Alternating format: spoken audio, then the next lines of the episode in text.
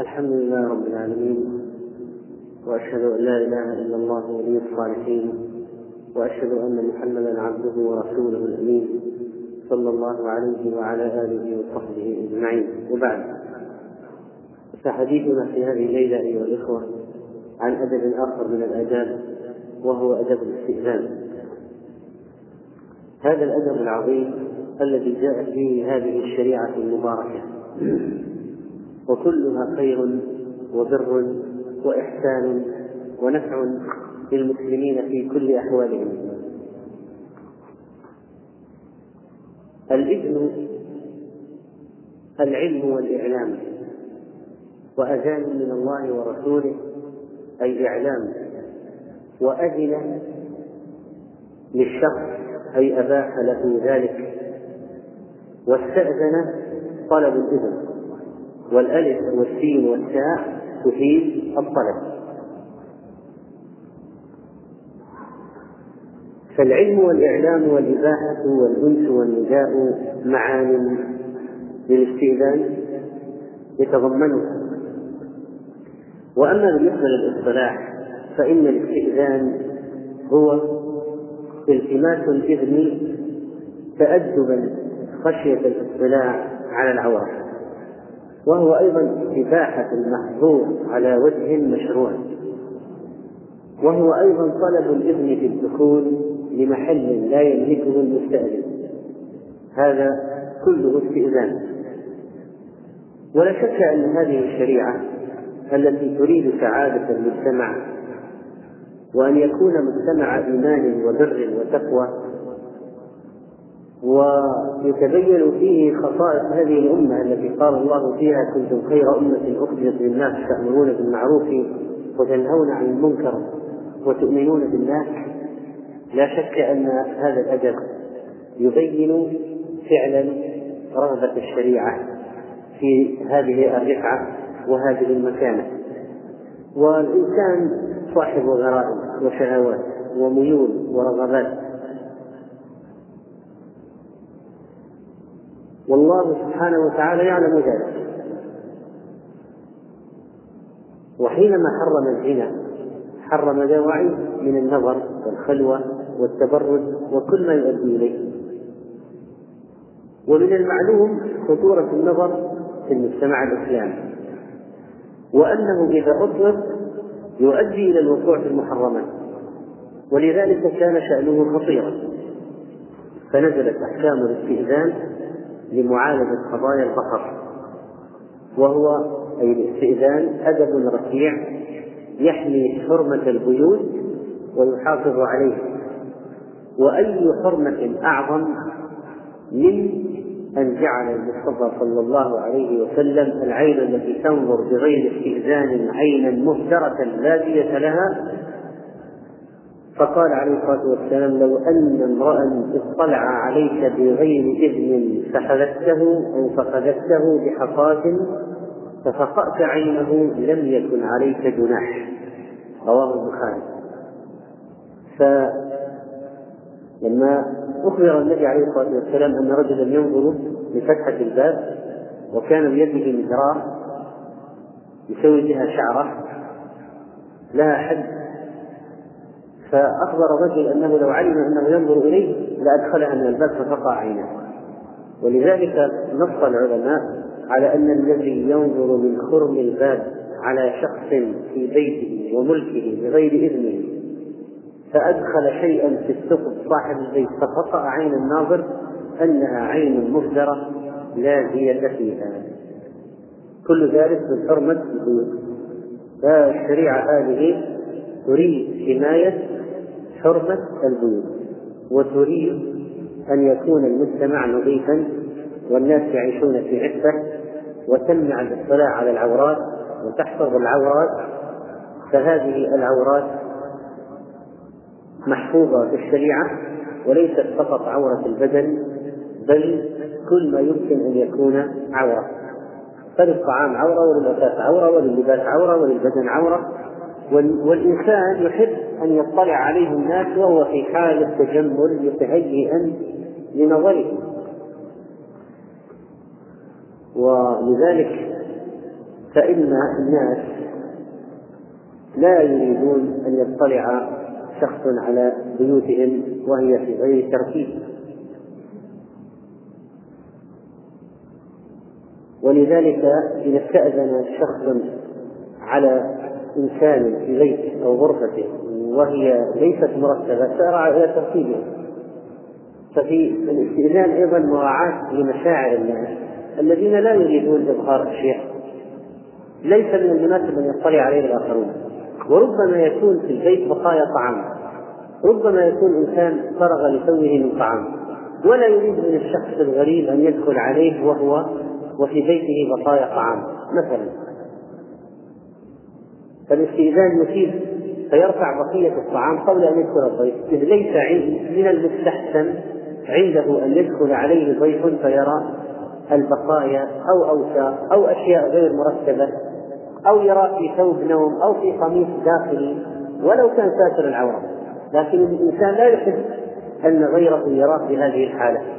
ولذلك الاستئذان فيه مراعاة لمشاعر الناس بالإضافة إلى قضية أن لا يطلع أحد على العورة وأن لا تثور الشهوة وأن لا تقوم الفتنة وأن لا يقع الزنا. ولذلك نلاحظ أن آية الاستئذان جاءت بعد الزجر عن الزنا والقذف. فلما ذكر الزجر عن الزنا والقذف في سورة النور ذكر الاستئذان والزجر عن دخول البيت بغير استئذان. لأنه ربما أدى إلى وقوع أحد المحذورين. ولذلك فإن أدب الاستئذان يؤدي إلى قطع ألسنة السوء من مظلة الريبة. وربما يصادف الإنسان حال خروجه رب الدار وليس فيها إلا امرأته فتذهب به الظنون كل مذهب. وربما أدى ذلك إلى خراب البيت وإلحاق الأطفال بحال ماء الضياع. وقد أباح الله تعالى للمماليك والصغار الطواف في البيوت بغير استئذان لحاجة أهليهم وأسيادهم إلا في أوقات الأوقات الثلاثة التي جاء النص عليها وهي ما قبل الفجر ووقت الظهر وبعد العشاء. فلا يجوز لأي إنسان الدخول في هذه الأوقات إلا بإذن حتى لو كانوا داخل البيوت من الخدم أو الإماء والعبيد أو أو الأطفال الصغار. وذلك لأن هذه الأوقات الثلاث يأوي الناس فيها أو يأوي فيها الرجال إلى نسائهم وأزواجهم وتنزع فيها الثياب ولذلك جعل الدخول محظورا لكي لا تقع الأنظار على عورات الأهل من الأبوين. وهذا أدب يغفل عنه الناس ويتساهلون في دخول الخدم عليهم ودخول الأطفال الصغار وربما أدى ذلك إلى أن يرى الطفل أشياء تبقى في مخيلته أو في ذهنه وهو في صغره. وربما أدى ذلك إلى إضرار في كبره. فأما بالنسبة للاستئذان العام فقد قال الله سبحانه وتعالى يا أيها الذين آمنوا لا تدخلوا بيوتا غير بيوتكم حتى تستأنسوا وتسلموا على أهلها. ذلكم خير لكم لعلكم تذكرون. فإن لم تجدوا فيها أحدا فلا تدخلوها حتى يؤذن لكم. وإن قيل لكم ارجعوا فارجعوا هو أزكى لكم والله بما تعملون خبير. ليس عليكم جناح أن تدخلوا بيوتا غير مسكونة فيها متاع لكم والله يعلم ما تبدون وما تكتمون. فهذه أول آية من آيات الاستئذان وهي آية الاستئذان العام التي أدب الله بها عباده المؤمنين. كان رجل في الجاهلية إذا لقي أخاه لا يسلم عليه بل يقول له حييت صباحا وحييت مساء ونحو ذلك فأبدلهم الله تعالى خيرا منها تحية أهل الإسلام أنفع الخير والثناء وهي دعاء صالح وطيب. وهذا النهي في الآية وهو قوله لا تدخلوا بالتحريم كان معنى ذلك؟ أن الدخول لا يجوز إلا بإذن لما في ذلك من الاطلاع على العورات والتصرف في ملك الغير بغير إذن وهذا نوع من الغصب وهذا نوع من الغصب وقوله سبحانه وتعالى يا أيها الذين آمنوا لا تدخلوا بيوتا غير بيوتكم حتى تستأنسوا. معنى ذلك أن الإنسان يدخل بيته. يدخل بيته متى ما شاء.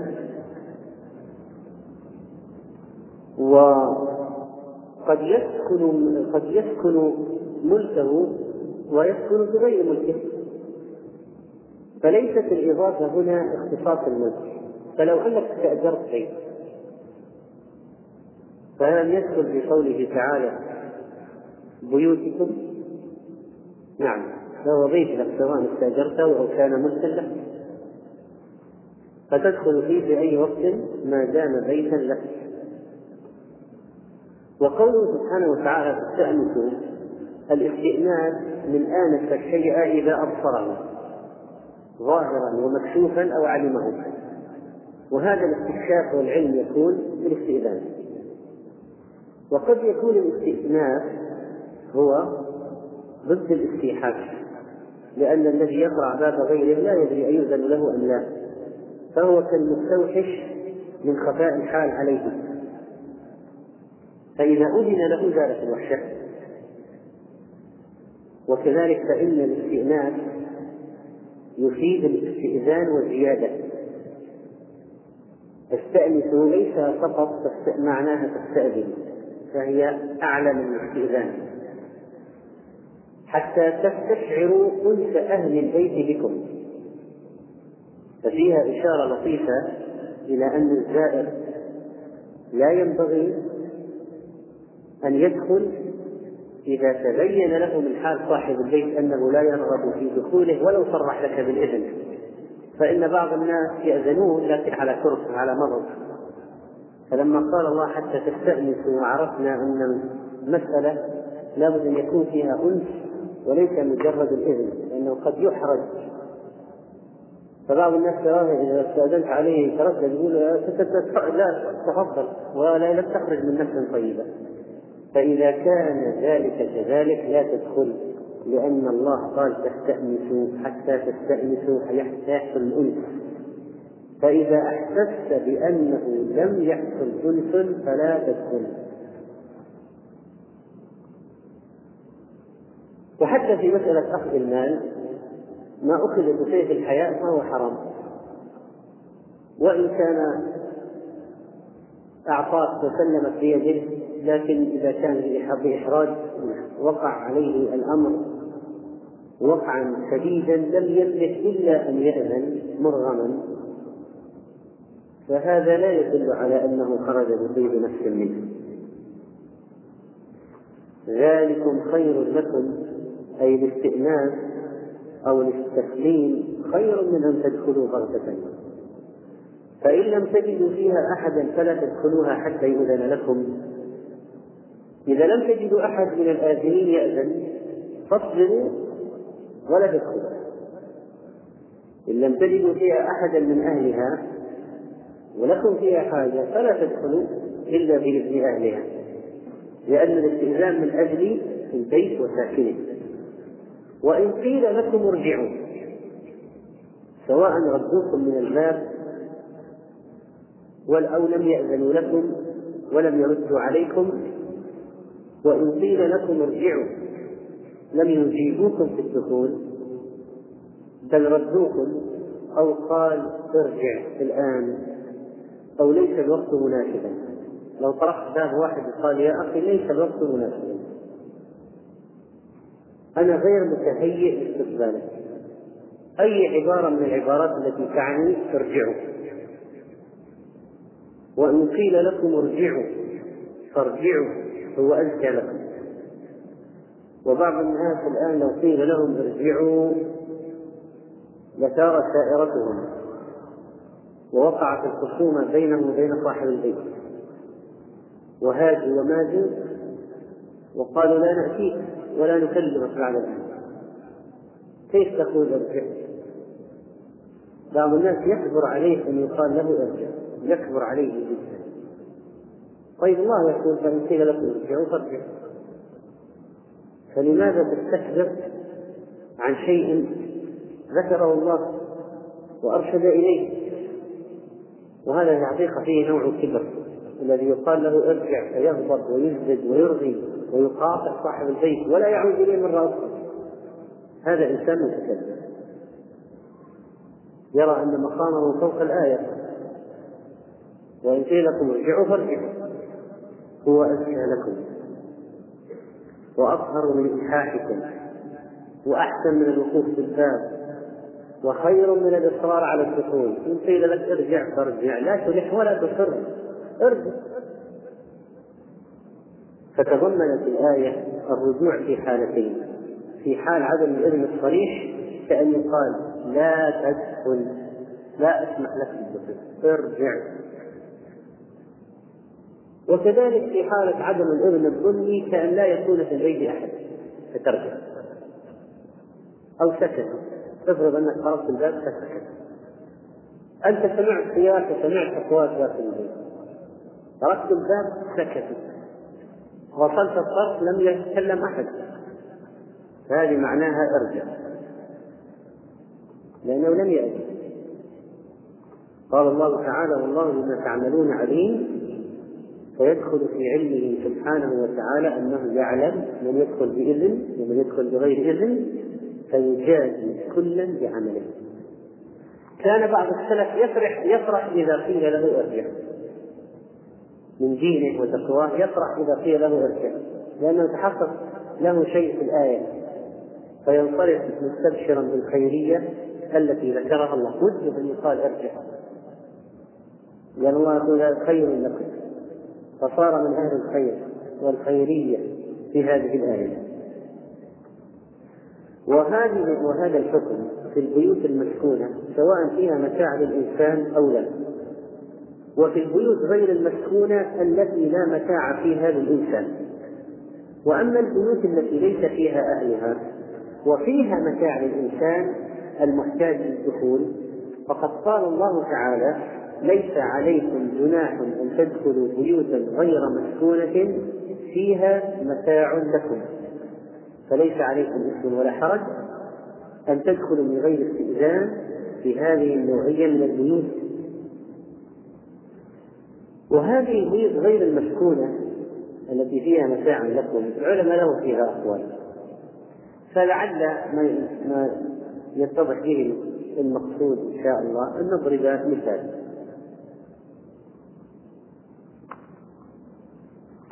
بيوت على الطريق يأوي إليها الناس. لابن السبيل فنادت مستأجرة فيها غرف دكاكين وحوانيت في الشارع. كل هذه تدخل في قوله ليس عليكم جناح أن تدخلوا بيوتا غير مسكونة فيها متاع لكم. فمثلا استأجرت غرفة في فندق. أو تريد أن تدخل محل في الشارع دكان. أو في بيت على الطريق مبني لابن السبيل يدخل يستظل في جنان خان مفتوح لأي واحد يدخل. فهذه لا تحتاج إلى استئذان.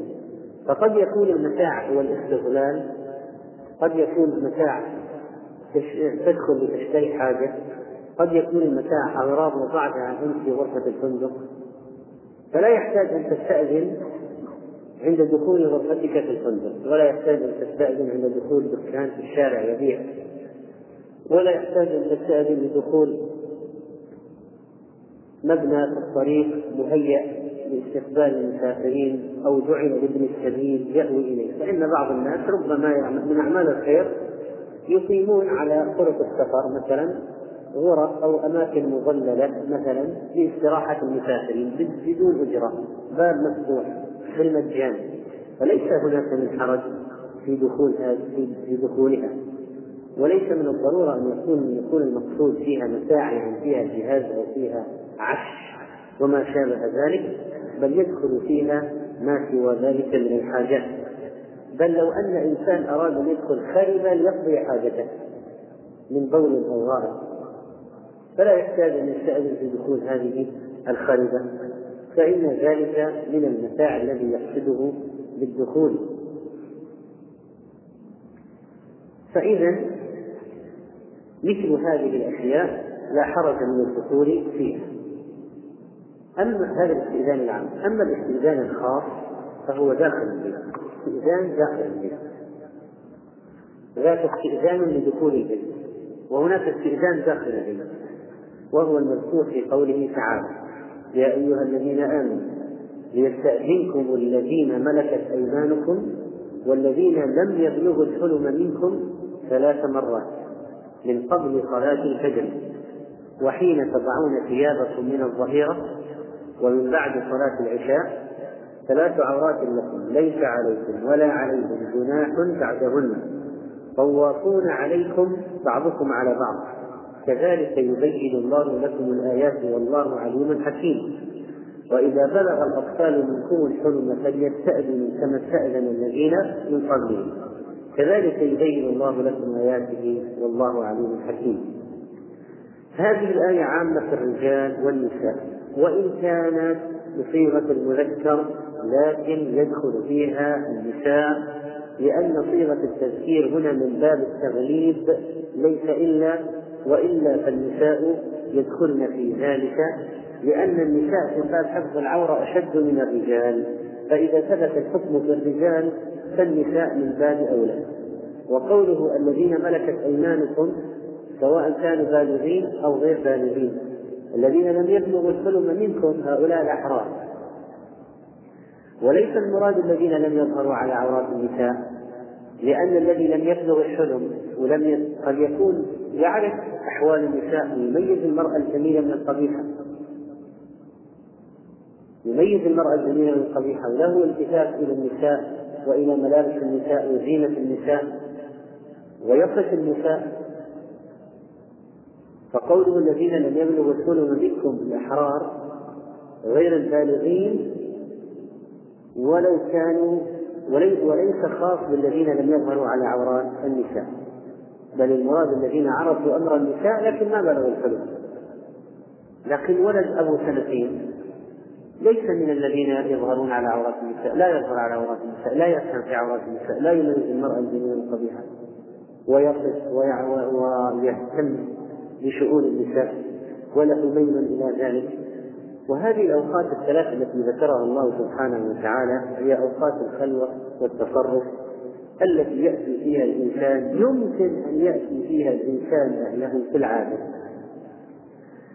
فالله عز وجل يعلم أن الاستئذان الخاص مثلا استئذان الخدم أو الإماء أو الأطفال على الأبوين مثلا كل وقت كل وقت يشق. فجعله خاصا واجبا في هذه الأوقات الثلاث لأن لماذا فيه لماذا يوجد مشقة؟ لأجل الطواف والخدمة وقضاء الأشغال والحوائج. فإذا كانت كلما تريد أن تتحرك من مكان إلى مكان تستأذن سيكون هناك مشقة. لكن جعل هناك أوقات معينة ما في دخول إلا باستئذان. وهي هذه الأوقات الثلاث التي هي مظنة خلع الثياب أو مظنة إلقائها ومظنة إتيان الرجل أهله. واستراحته وقيلولته ونومه وكانوا في الحرب يخلع الرجل إزارة ورداءه فربما تعرى فينكشف أو فيطلع غير المستأذن على شيء غير مناسب على الإطلاق وقوله عز وجل ليستأذنكم يدل على أنه ينبغي أن نربي أولادنا على هذا الأدب.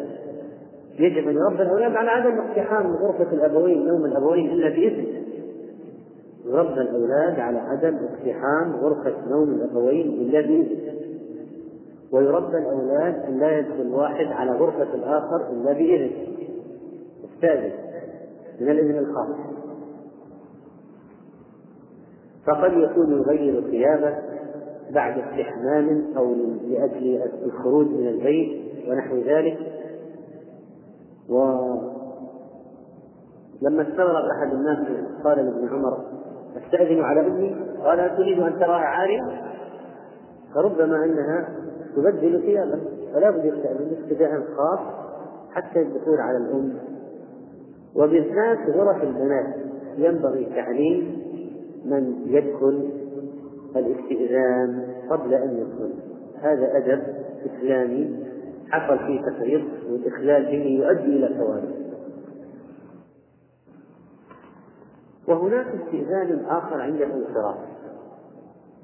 يكون الإنسان في بيت شخص زائرا مثلا أو في مكان اجتماع. أما إذا كان في مكان اجتماع فيه الخليفة أو إمام المسلمين فإنه لا ينصرف إلا باستئذان لقوله عز وجل إنما المؤمنون الذين آمنوا بالله ورسوله وإذا كانوا معه على أمر جامع لم يذهبوا حتى يستأذنوه. إن الذين يستأذنونك أولئك الذين يؤمنون بالله ورسوله فإذا استأذنوك لبعض شأنهم فأذن لمن شئت منهم واستغفر لهم الله واستغفر لهم الله إن الله غفور رحيم. فهذا نوع من الأدب أرشد إليه ربنا عز وجل عباده المؤمنين وهو الاستئذان عند الانصراف كما أمرهم بالاستئذان عند الدخول. ومدح الله من تأدب بهذا الأدب الرفيع فكل من كان قائما على مكان أو أمير على مكان مثل أمير السفر مثلا فأراد إنسان أن ينصرف أو يغادر فيستأذن منه لئلا ينصرف عقد الجماعة أو يكون هناك اختلال في الإمرة وواجباتها أو الواجبات نحوها. وأما بالنسبة للزيارة العادية فإن النبي عليه الصلاة والسلام أرشد إلى أن الإنسان إذا زار أخاه فلا يقومن من عنده حتى يستأذنه. فلا يقومن حتى يستأذنه فإذا كنت عند شخص في زيارة فالأدب إذا أردت الانصراف أن تستأذن قبل أن تقوم وليس أن تقوم وتمشي لأن هذا احترام لصاحب الدار ولأخيك المسلم. ويكون هذا الاستئذان مصحوبا بالسلام لأنه عليه الصلاة والسلام قال إذا انتهى أحدكم إلى مجلس فليسلم فإن بدا له أن يجلس فليجلس ثم إذا قام فليسلم فليست الأولى بأحق من الآخرة. ولذلك بوب البخاري رحمه الله في كتاب الأدب المفرد باب إذا جلس الرجل إلى الرجل يستأذنه في القيام. وعن أبي موسى أبي برده بن أبي موسى قال جلست إلى عبد الله بن سلام فقال إنك جلست إلينا وقد حان منا قيام. فقلت فاذا شئت فقام فتبعته حتى بلغ الباب.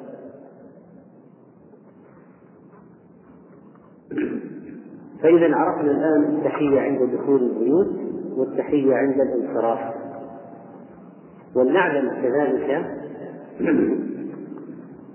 بأن هذا الأدب وهو أدب الاستئذان بنوعيه العام والخاص أدب كريم أجمع العلماء على أن الاستئذان مشروع وتضافرت بذلك دلائل الكتاب والسنة وإجماع الأمة. فقال بعض العلماء إنه مستحب وقال بعضهم إنه واجب بنوعيه الخاص والعام.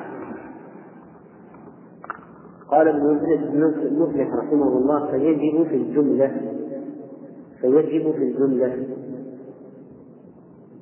وأدلة الوجوب كثيرة مثل الأمر أو النهي والأصل في الأمر الوجوب والأصل في النهي التحريم. والنبي عليه الصلاة والسلام قال الاستئذان ثلاثا؟ فإن أذن لك وإلا فارجع. وهذا أمر أيضا. وهذه اللام في قوله ليستأذنكم هي لام؟ ليستأذنكم ما نوع اللام؟ لام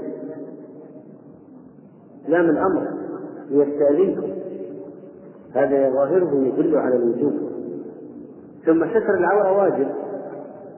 والنبي عليه الصلاة والسلام قال إنما جعل الاستئذان من أجل البصر والاطلاع على العورة محرم. مسألة كبيرة. وأما صيغ الاستئذان فإن الصيغة المشهورة. السلام عليكم أأدخل فإن أذن له دخل وإلا رجع. ودل على هذه الصيغة أن رجلا من بني عامر استأذن على النبي صلى الله عليه وسلم وهو في بيته. فقال أألد؟ أألد. ولد يلد دخل يدخل أألد يعني أدخل فقال النبي صلى الله عليه وسلم اخرج إلى هذا. فعلمه الاستئذان. فقال له قل السلام عليكم فأدخل. فسمعه الرجل. فسمع النبي عليه الصلاة والسلام. فسمعه الرجل. سمع الكلام. فقال السلام عليكم أأدخل فأذن له النبي صلى الله عليه وسلم فدخل. الحديث رواه أبو داود في كتاب الأدب. في باب كيفية الاستئذان وصححه الألباني. وجاء عن ابن عمر رضي الله عنه أنه قال إذا استأذن فقيل كان إذا استأذن فقيل له أدخل بسلام. رجع وقال لا أدري أدخل بسلام أو بغير سلام. فهذا امتناع ابن عمر رضي الله عنه من الدخول لما قيل له بسلام احتمال أن يكون المراد ادخل بسلام يعني بسلام كلام شخصك. ولأنهم اشترطوا عليه شرطا لا يدري أيأتي به أم لا. فلذلك من ورائه كان يرجع. فالمهم الصيغة السلام عليكم أدخل وقد جاء عن ابن عمر عن عمر رضي الله عنه أنه استأذن فقال السلام على رسول الله السلام عليكم. أيدخل عمر. ولكل قوم عرف في الاستئذان. ولذلك لو استأذن بأي كلمة ممكن أدخل؟ لا بأس لا بأس. فأدخل ممكن. لكن ما هي الصيغة الأتم والأكمل. السلام عليكم أدخل. فهذه الصيغة الأفضل. وقد جاء عن عبد الملك مولى أم مسكين قال أرسلتني مولاتي إلى أبي هريرة فجاء معي. فلما بلغ الباب قال أنذر قالت انذروني وهذه العبارة معناها بالفارسية استئذان والإذن. فإذا يمكن أن تدخل على شخص لا يعرف العربية فتستأذن عليه بلسانك. فتستأذن عليه بلسانك بالإنجليزية أو بغيره. المهم أن يفهم أنك تريد الدخول وتسمع إذنا صريحا. ما هي عدد مرات الاستئذان؟ ورد في الحديث كان إذا سلم سلم ثلاثا وإذا تكلم بكلمة أعادها ثلاثا. عنون عليه البخاري رحمه الله باب التسليم والاستئذان ثلاثا. أما قضية التسليم ثلاثا فتأتي إن شاء الله في آداب السلام. وأما مسألة الاستئذان ثلاثا فإن الاستئذان ثلاثا لا يزيد عليه الإنسان إذا لم يؤذن له يرجع. وجاء عن أبي سعيد رضي الله عنه قال كنت في مجلس من مجالس الأنصار اذ جاء أبو موسى الأشعري كأنه مزعوم. فقال استأذنت على عمر ثلاثا فلم يؤذن لي فرجعت. فقال ما منعك قلت استأذنت ثلاثا فلم يؤذن لي فرجعت. وقال رسول الله صلى الله عليه وسلم إذا استأذن أحدكم ثلاثا فلم يؤذن له فليرجع. فقال عمر لأبي موسى والله لتقيمن عليه بينة. أمنكم أحد سمعه من رسول الله صلى الله عليه وسلم؟ فقال أبو أبي بن كعب لأبي موسى والله لا يكون معك إلا أصغر القوم. فكنت أصغر القوم فقمت معه فأخبرت عمر أن النبي صلى الله عليه وسلم قال ذلك. عمر أراد أن يستثبت أراد مزيد من التأكد فطلب من أبي موسى شاهدا معه أن النبي عليه الصلاة والسلام حدد فعلا الاستئذان بثلاث مرات وأن الإنسان لا يزيد عليها وأنه إذا لم يؤذن له يرجع وهذا هدي النبي عليه الصلاة والسلام طبقه أبو موسى الأشعري مع عمر وشهد مع أبي موسى من؟ من الذي شهد مع أبي موسى؟ أبو سعيد الخدري رضي الله تعالى عنه طيب الآن عرفنا إذا استأذن استأذن ثلاث لم يؤذن له يرجع لكن هل يجوز الزيادة على الثلاث؟ منع من ذلك جمهور العلماء لأن ظاهر الحديث الاكتفاء بالثلاث وزيادة على ثلاث إزعاج يعني ممكن تقول ما سمع من أول مرة كان ساهي كان لاهي. طيب ثاني مرة ثالث مرة مفترض أنه يكون سمع. ولو كان يريد أن يستأذن لو كان يريد أن يأذن لأذن فكونه لم يأذن كونه لم يأذن لم يرد معنى ذلك أن تكتفي بالثلاث وتنصرف. وقال ابن عبد البر رحمه الله السنة في الاستئذان ثلاث مرات لا يزاد عليها. فإذا وبعض العلماء قال يجوز الزيادة إذا لم يكن فيها إحراج وإزعاج لصاحب البيت يعني لو أن الإنسان مثلا خاصم شخص أو بينه وبينه خصومة فأراد أن يتصالح معه فذهب إلى مكان وأراد من الزيادة عن ثلاث على ثلاث استرضاء الشخص. استرضاء الشخص الذي صار بينه وبينه خصومة فلم يقصد من زيادة الثلاث الإحراج ولا الإزعاج قصد أن يسترضيه ويلح عليه لعله يقبل منه الدخول ويقبل منه الاعتذار. فلا بأس. لها معنى ولها وجه.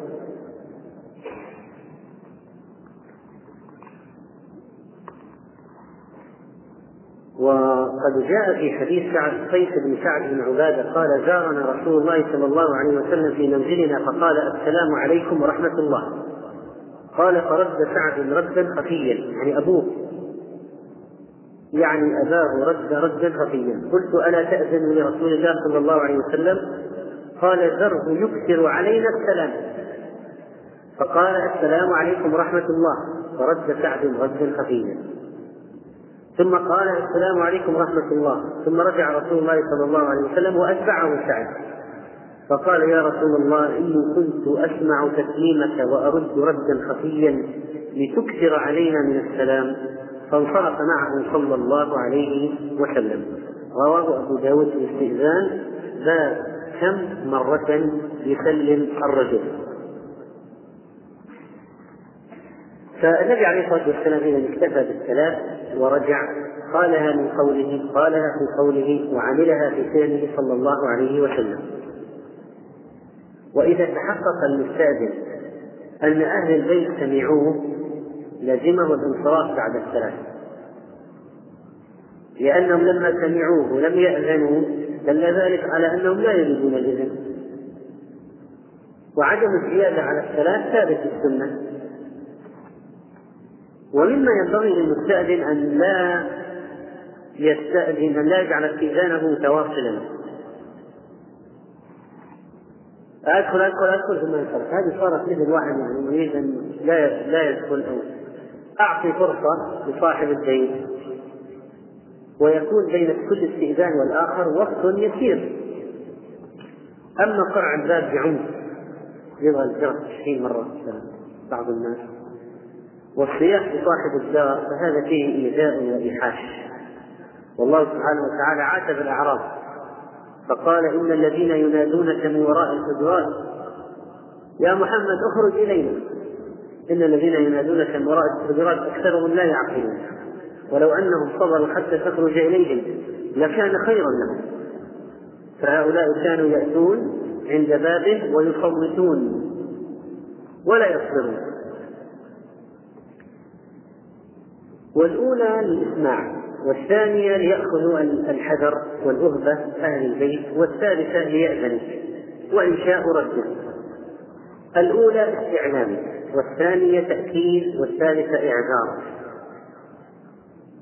السلام وردت في أشياء كثيرة أنها منتهى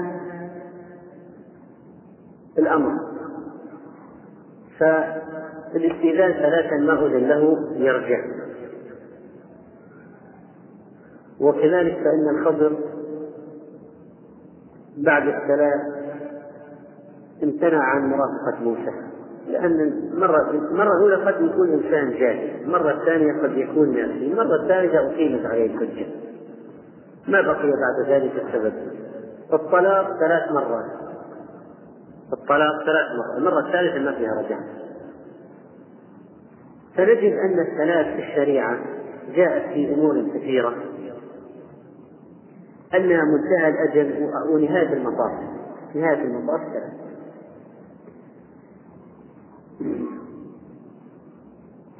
وكذلك فإن الإنسان إذا لاحظ أن صاحب البيت قد أحرج وخرج إليه في حال غير مناسبة أنه لا يدخل بل, إن بل إنه ينصرف. فالنبي عليه الصلاة والسلام جاء مرة لعفان رضي الله عنه واستأذنه فخرج إليه ورأسه يقطر ماء. فقال لعلنا أعجلناك؟ قال نعم. والنبي صلى الله عليه وسلم لما جاء إلى سعد بن عبادة ولم يسمع ردا انصرف ولم يلح. فإذا إذا تبين الإنسان أنه قد أحرج صاحب البيت ينصرف يعتذر عن حضوره في وقت غير مناسب وينصرف إلا إذا لاحظ أن صاحب البيت يريد فعلا أن يدخل وراغب في ذلك وراغب في ذلك فإنه يدخل ولذلك الآن نحن من الأمور التي أهلكتنا قضية المجاملات الفارغة. يعني مثلا واحد أوصل الثاني إلى بيته بعد العمل بعد العمل بتعبه وإرهاقه وعرقه وجوع الذي حصل وصله إلى البيت. فهذا الذي ينزل يقول تفضل معنا. هل هو يقصد فعلا حقيقة هذه الكلمة؟ لا يقصدها بدليل لو أن هذا صدق فعلا تفضل معه لصارت نكبة عليه. هذه تفضل معنا يعني مع السلامة. لكنهم يقولونها بعبارة أخرى. فلذلك ينبغي عدم الوقوف عند الألفاظ المجردة بل ننظر إلى ما وراء ذلك من المعاني والأحوال.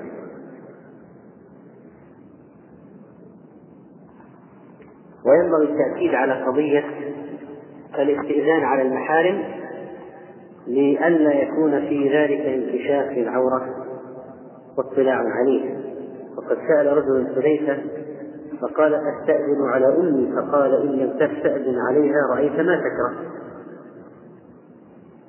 وكذلك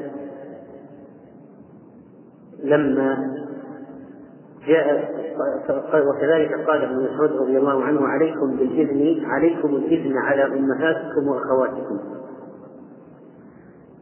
وجاء عن موسى بن طلحة قال دخلت مع أبي على أمي. فدخل فاتبعته فالتفت إلي فدفع في صدري وقال أتدخل بغير إذن؟ فهذا الأب عاتب ابنه على الدخول على أمه بدون استئذان. يعني هو زوجها يدخل عليها. وهذا داخل وراءه لماذا؟ وسأل ابن عباس عطاء سأل ابن عباس عطاء فقال أستأذن على أختي؟ قال نعم. قال إن في حجري. أنا اللي مربيها أنا اللي مربيها قد تكون يتيمة. قال أتحب أن تراها عريانة؟ فإذا هذه الآثار تدل على هذه الآثار الصحيحة كما بين ابن حجر رحمه الله تدل على الاستئذان حتى على المحارم. ويستأذن الرجل على أمه ولو كانت عجوزا. وأن هذا الاستئذان أمر مطلوب لعموم البلوى التي تحصل داخل البيوت وربما يكون خطر الخطر من الداخل أعظم من الخطر من الخارج. لكن الاستئذان على الزوجة ليس بواجب إنما هو من كمال الأدب. قال ابن جريج في عطاء أيستأذن الرجل على امرأته؟ قال لا. لكن قالت زينب زوجة ابن مسعود كان عبد الله يعني زوجها إذا جاء من حاجة فانتهى إلى الباب فنحنح فنحنح كراهة أن يهجم منا على أمر يكرهه. إسناده صحيح صحابي كثير رحمه الله في تفسيره فإذا من كمال الأدب أن الإنسان يستأذن على زوجته لكن من ناحية الوجوب لا يجوز. وهناك فرق بين إعلامها بالدخول وبين الاستئذان عليها. فالزوجة تعلم بالدخول لئلا تكون على حال يكره تكره أن يراها زوجها عليها. وإلا فالزوجة لا يجب الاستئذان عليها لكن لا يفاجئها فتقع في شيء من الحرج. ولماذا أمرنا أن لا ندخل على أهالينا ليلا من السفر لا يترك الرجل أهله طرقا. لئلا يقع منا على أمر يكرهه ينتظر حتى تستحد المغيبة وتنتشر الشعبة. وبعد ذلك إذا أراد أن يدخل وبعد ذلك يدخل. طبعا الآن لو أن الإنسان أخبر زوجته بالهاتف قال أنا سآتي هذه الليلة.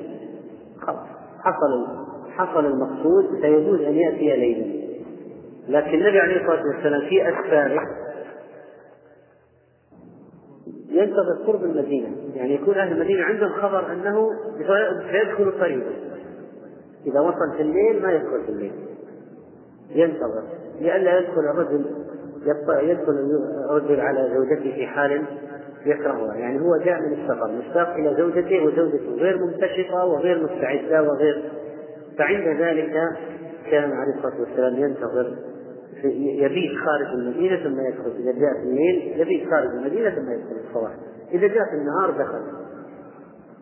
ويمهل لماذا يمهل؟ قال حتى تستحد المهيبة التي غاب زوجها تستحد يعني تحلق العانة بالحديد بالموس ونحو ذلك من لوازم التهيؤ للزوج مقصود التهيؤ للزوج تنتشق الشعثة لأنه إذا رآها شعثة متفرقة الشعر في حالة العرق والمهنة وهو آت من سفر مشتاق إليها نفر منها قد قد يحدث هناك وحشة بينهم ولذلك أمرت المرأة بالتهيؤ لزوجها إذا أراد إذا جاء من سفر ولا يتركها هو طروقا في الليل إلا إذا أخبرها. قبل أن يأتي أخبر. اتصل عليها قال سآتي أنا في الليل طائرة تتصل في الليل. ونحو ذلك.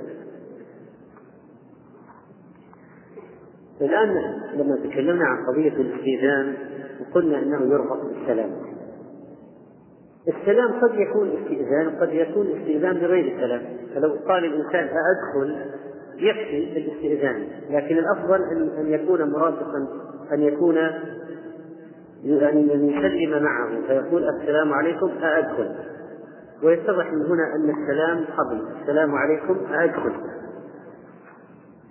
والآن قد صارت عندنا أشياء من آه، بالنسبة لموضوع تقديم الاستئذان كنا ذكرنا في موضوع الاستئذان والسلام أيهما قبل. يقول ابن القيم رحمه الله وفي هذه السنن رد على من قال بتقديم الاستئذان على السلام ورد على من قال إن وقعت عينه على صاحب الدار قبل دخوله قدم السلام وإلا قدم الاستئذان وهذان القولان مخالفان للسنة. لأن السنة أن يقدم ماذا؟ السلام. فيقول السلام عليكم أدخل. ولا تأذنوا لمن لم يبدأ بالسلام. حديث رواه البياقي وصححه الألباني إذا دخل ولم يقل السلام عليكم فقل لا حتى تأتي بالمفتاح. السلام. هذا رواه البخاري في الأدب المفرد. عن أبي هريرة من كلام أبي هريرة. كان إذا دخل ولم يقل السلام عليكم يقول لا حتى تأتي بالمفتاح. ماذا يقصد بالمفتاح؟ السلام. وهذا المفتاح يقصد السلام. فإذا يقدم السلام على الاستئذان. يقدم السلام على الاستئذان.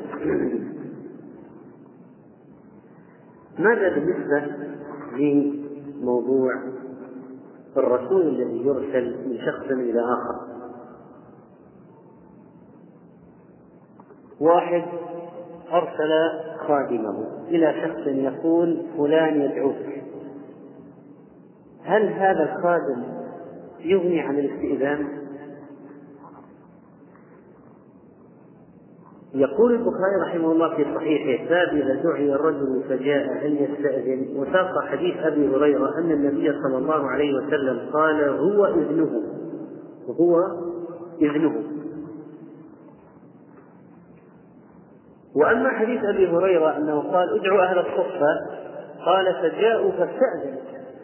فإذا كيف نجمع بين الحديثين؟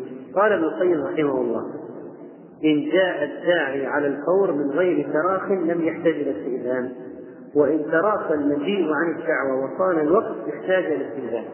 فلو أن قلت لشخص ادعو لي فلانا فذهب وكلمه جاء هذا مباشرة يدخل عليه مباشرة ولو بغير استئذان.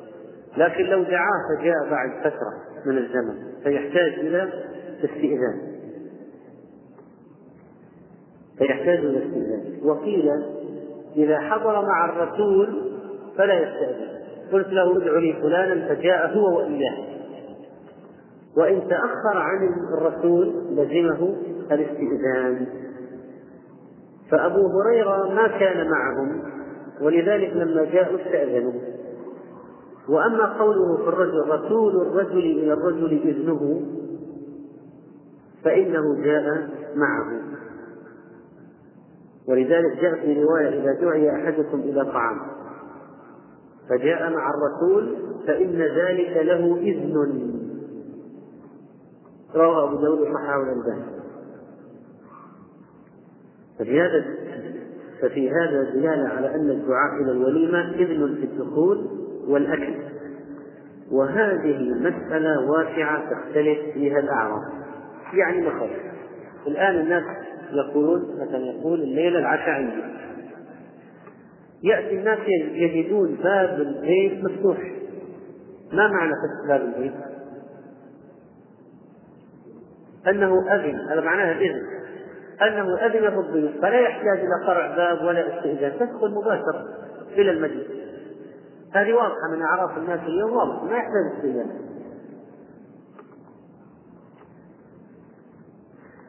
وإبراهيم عليه السلام كان بابه مفتوح للضيوف ولذلك قال الله تعالى هل أتاك حديث ضيف إبراهيم المكرمين إذ دخلوا عليه فقالوا سلاما؟ قال سلام. قوم منكرون. دخلوا عليه معناها أن بيته مفتوح للضيوف وقد اشتهر بذلك. عليه السلام. والاستئذان لا بد فيه من اختيار الأوقات المجيء لا بد فيه من اختيار الأوقات المناسبة. على كل حال فالإنسان لا يأتي مثلا في نصف الليل أو بعد وقت ما أنه الناس يقول أنا بطرق الجرس ثلاث مرات. إن أذنوا لي وإلا رجعت. طيب هذا الوقت غير مناسب. استئذانك مزعج. لو ما استأذنت لو ما جبت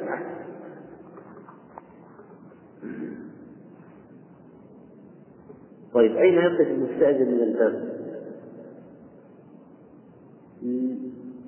كان النبي صلى الله عليه وسلم إذا جاء الباب يستأذن لم يستقبله. يقول يمشي مع الحائط حتى يستأذن فيؤذن له أو ينصرف. رواه أبو داود ورواه الإمام أحمد والبخاري في الأدب المفرد. صححه فإذا لا يقوم مواجه الباب بحيث فتح الباب رأى كل شيء وراء الباب. وقد جاء رجل إلى باب النبي صلى الله عليه وسلم فقال فقام على الباب فقال هكذا فقال هكذا عنك. يعني تنحى يمينا أو شمالا تنحى يمينا أو شمالا والآن الإنسان يتنحى في أي جهة؟ يعني إذا استقبل بابا. لا يستقبل. الباب هذه معروفة طيب يذهب يمين أو شمال؟ لا. لا. قلت يمين غلط وقلت شمال. غلط عكس اتجاه فتحة. إذا كان الباب يفتح. إذا كان الباب يفتح هكذا هو لا يكون في الجانب الذي إذا انفتح الباب رأى. يكون في الجانب الآخر.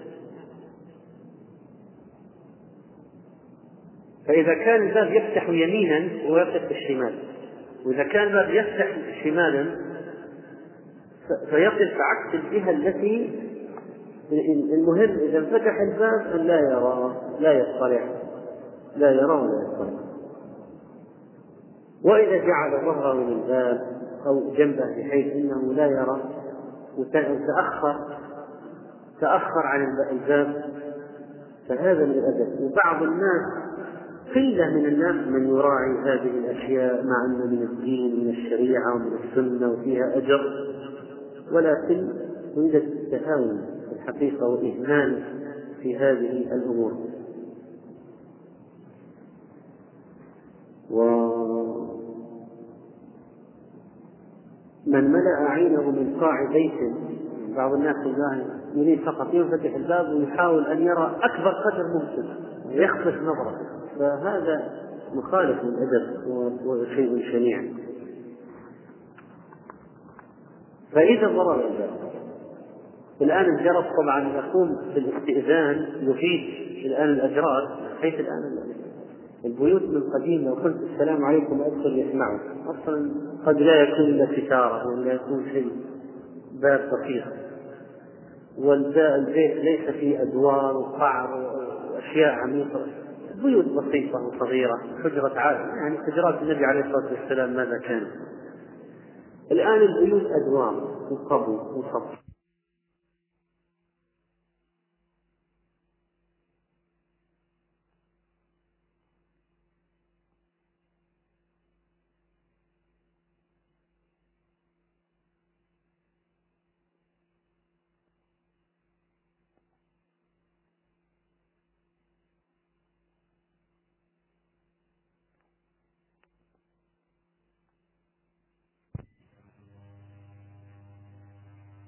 خالف من الأدب شنيع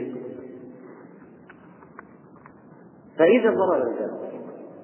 الآن الجرس طبعا يقوم في الاستئذان يفيد الآن الأجراس حيث الآن البيوت من قديم لو قلت السلام عليكم أدخل يسمعوا. أصلا قد لا يكون الا ستاره ولا يكون شيء باب بسيط. والبيت ليس فيه أدوار وقعر وأشياء عميقة. بيوت بسيطة وصغيرة حجرة عائله يعني حجرات النبي عليه الصلاة والسلام ماذا كان؟ الآن البيوت أدوار وقبو وسطح طابق ثاني ثالث ويكون الإنسان في باب وراء باب وراء باب أبواب مغلقة. فلو قلت السلام عليكم بأعلى صوتك المكيفات شغالة لا يمكن أن يسمعك فما فيقوم الآن الجرس؟ مكان الكلام. فأنت تطرق الجرس أول مرة وثاني مرة ثالث مرة. فإن رد عليك تقول السلام عليكم فلان. تقديم الاسم أحسن لكن إن سأل أهل البيت تأكد الجواب لأنه قد ورد في الصحيحين عن جابر قال أتيت النبي صلى الله عليه وسلم في دين كان على أبي فدققت الباب. دققته إذا الدق هذا معروف. فقال من ذا؟ فقلت أنا. فقال أنا أنا.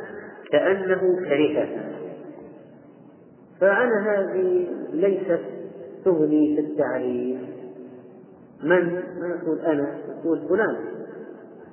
وإذا كان في أكثر من شخص يقول فلان فلان. يعني لو طلقوا من قال عبد الله؟ عبد الله. كم واحد؟ فيقول فلان الفلاني أو أبو فلان. المقصود أن يعرف صاحب البيت بشخصيته.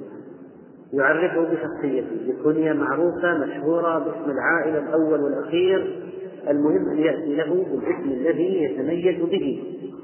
لأن صاحب البيت لو أذن لك على أنك فلان وأنت لست فلان فإذنه يوجد وليس المقصود مخادعة صاحب البيت حتى يظنك فلان فيأذن ثم يتضح أن شيئا آخر.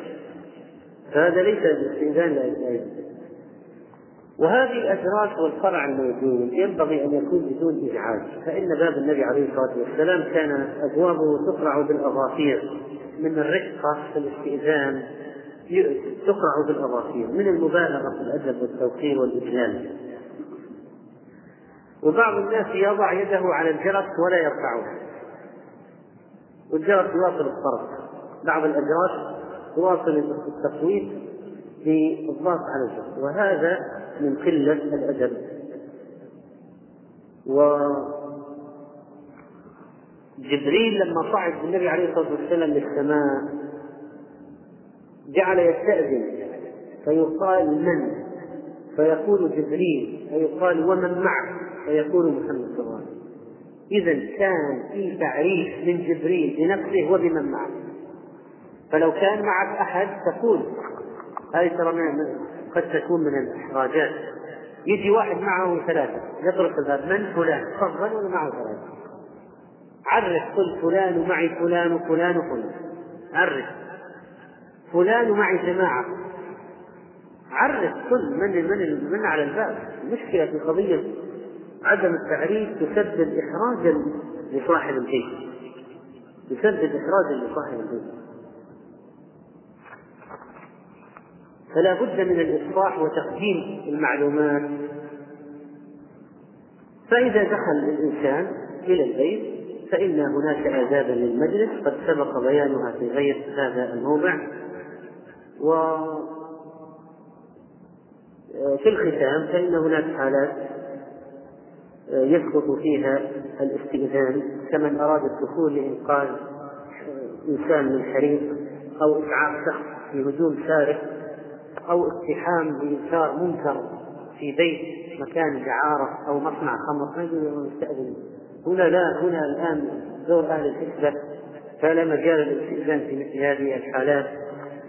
والأمر بالرجوع أدب شرعي وإذا استأذن فيقال له ارجع فيجب أن يرجع دون أن يحمل في نفسه شيئا.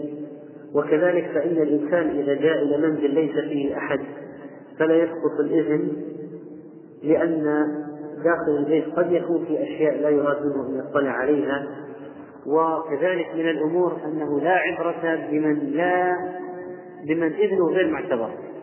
فلو طلع واحد صغير ثلاث سنوات أدخل؟ أدخل. فهذا إذنه غير معتبر هذا قد يدخلك على أمك. فبعض الناس قد يستاهل فلذلك تأكد منه اذهب إلى أبيك وقل له فلان أو يطرق الجرس مرة ثانية ومرة ثالثة ولا يكتفى بإذن الصغار. وبعض الناس عندهم سائق أو أو خادمة أو شخص أعجمي تقول أدخل يقول ها تقول إيه أنت تظنها إذن وهو ليس بشيء.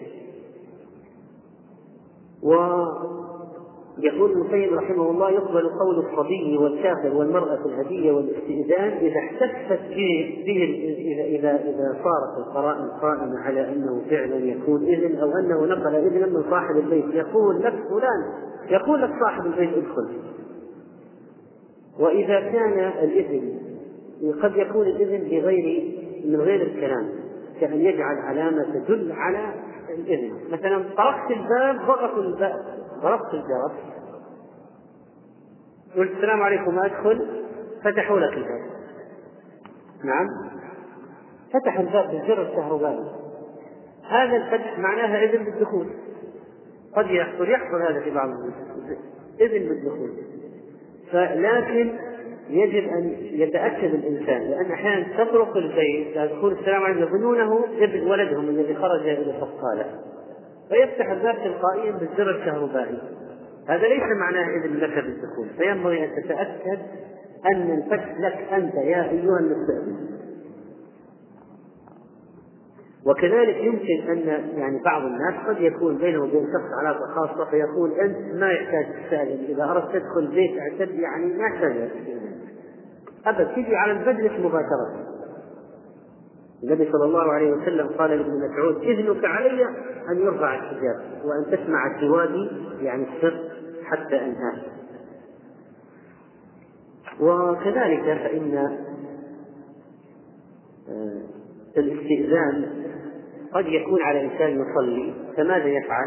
إذنه التكبير لو لو أنه سبح آه، يوحي لك بالإذن تدخل أو الانتظار قد يسبح يعني له الانتظار حتى يفتح لك الباب أو يتقدم المصلي فيفتح لك الباب ونحو ذلك.